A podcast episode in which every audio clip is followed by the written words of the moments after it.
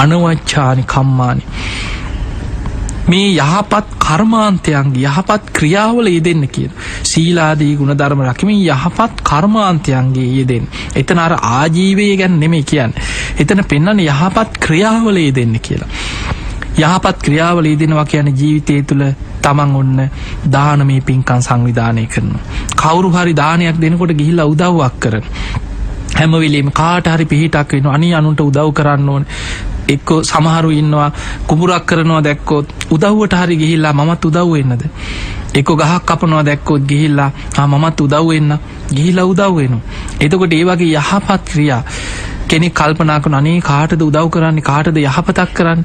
අන්න අරි අසවල් කෙනෙක් පාරි වැටලයින්න ගිහිලා උදව් කරන මේ ලංකාවේ අපේ මිනිස්සු තුළ මොන අඩුපාඩු මොන ප්‍රශ්න තිබුණත් මහා පුදුම ගුණධර්ම තියෙනවා. සමහා රටවල්වල වාහන හැප්පිලා මිනිස්සු ලේ දාගෙනන්න බලාගෙන යනවා. නිකම් බහින්නනේ එතන පනෑදලා දඟල්ල මැරුණත් අත තියන්න එක්ක පොටෝ ගහනවා. එක්ක පොලිසියට හරි ඒ අංකේකට කෝල් එකක් දීලා එනකං ඉන්න. අපේ රට එහෙම නෙමේ වාහන නවත්තල ලේ පෙරාගෙන හරි වාහනි ලේගාගෙන හරි ඉක්මට තමන් ගැන හිතන් නැතු යන ගමන පැත්තක දාලා ස්පිරිතාලෝට අරගෙන ගියයි හිටිය.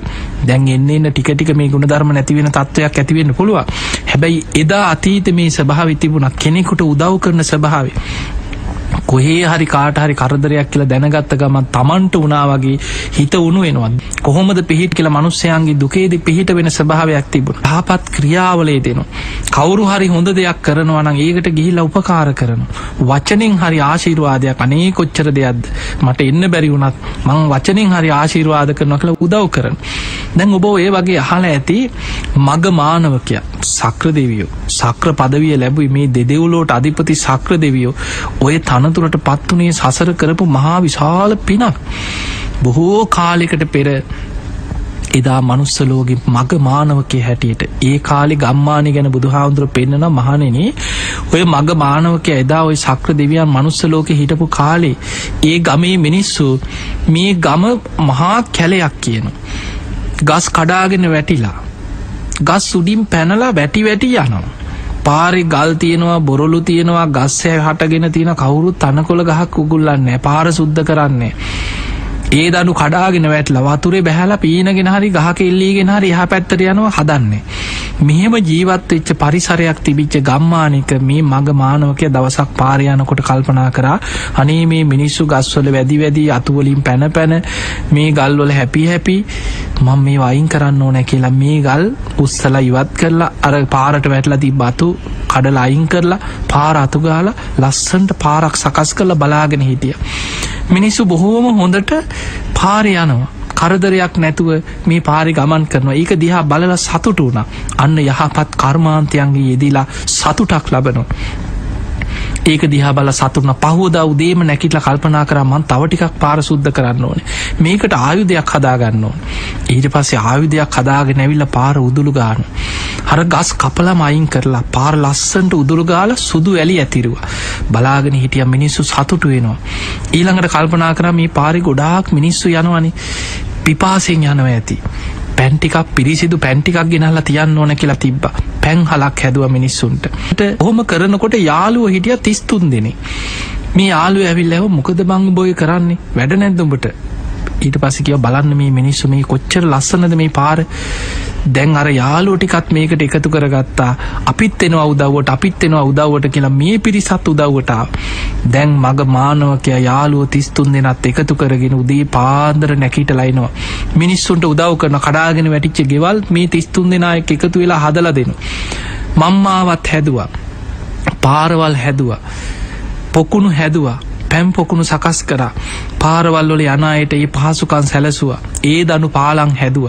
දැම්මේ මේ රජයක් කරන වගේ මේ තරුණයෝ තිස්තුන් දෙනෙක් එක එකතු වෙලා මග මානවකයක් ගමක් ලස්සනට හදනවා. කාලෙකට පස්සෙ ගම්පතියා මේ ගමට එනකොට ආරංචියාව මේ ගමේ මෙහෙම ලස්සන ගමක් තියෙනවා. ගම්පතියාව ආරංචිලා මොකක්ද මේ ගමට උනේ කියලා බලන්න එනකොට පුද්දුම ලස්සන ගම. ඉරිසියාව ඇති වුණා. ගම්පතිය කල්පනා කරයකෝ මමයි රජ්ජුරුවන් පත්කරපු ගම්පතිය. මේ කොහෙවත් ඉන්න උන් ඇවිල මේ ගම හදලා මුන්නේ ලකුණු ටික දාගන්න කියලා. දෙන්නම් වැඩේ කියලා ගිහිල්ල රජ්ජුරුවන්ට ගිහිල්ලකිව රජතුමනී ගමේ හොරු ටිකක් ඉන්නවා කිව ගම විනාස කරන.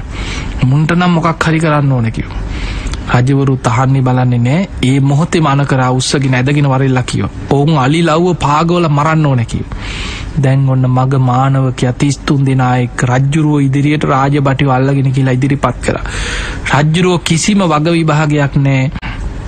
අර අර ගම්පතිය කියපු මේ කේලම විශ්වාස කළ. ඒ මොහොතේ මන කරා කරවටක් පොළොවේ වල්ලලා ඇතා ලවූ පාගවන්න කියව.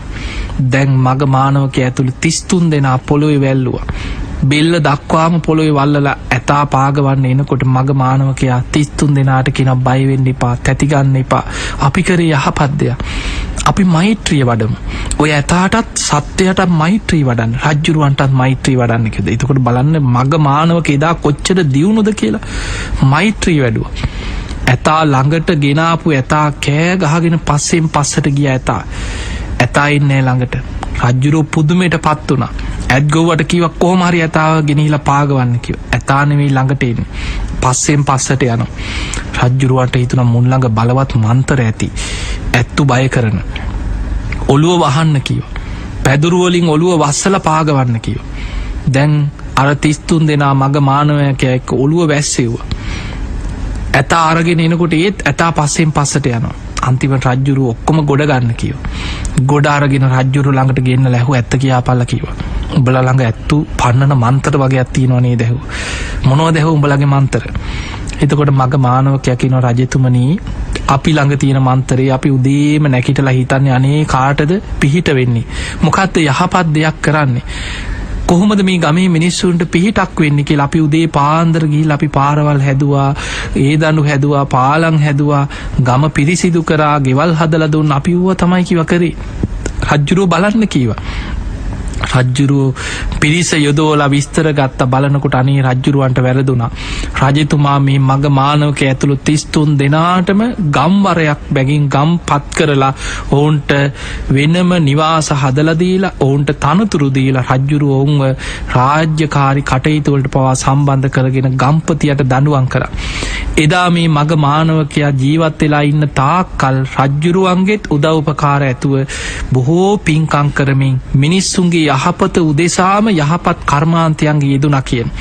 ඒ නිසා මේක මහ විශාල පිනක් ඒ පිනෙන් තමයි සක්‍ර දෙවියන් වෙලා පහළ වෙන්නේ. අද දෙදෙව්ලෝට අධිපති සක්‍ර දෙවියන් හැටියට අපි බොහෝ පිරිසක් සක්‍ර දෙවියන්ට පින් දෙනවා. සෝවාන් වෙච්ච කෙනෙක් බුදුරජාණන් වහන්සේගෙන් බණහල සෝවාන් පලට පත් වුණ. මේ දෙව්ලොව සැප සම්පත් විඳමින් සෝවාන් පලට පත්වෙලා දෙදෙව්ලෝට අතිපති සක්‍ර දෙවියන් හැටියට වැඩ ඉන්නේ ඔය රැස් කරගත්ත පින නිසා. එනිසා බුදුරජාණන් වහන්සේ පෙන්වා අනවජ්ජානි කම්මානි යහපත් ක්‍රියාවල ඒදෙන්.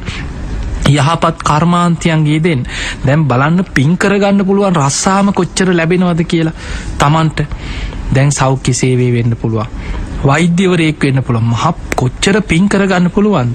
ඒ නිසා දැන් කෙනෙකුට අපි හිතම කසල සෝදකයක් වෙන්න පුළුව ඔබ හිතන්න එපා අයෝමි මොනවද මං කරන්නේ?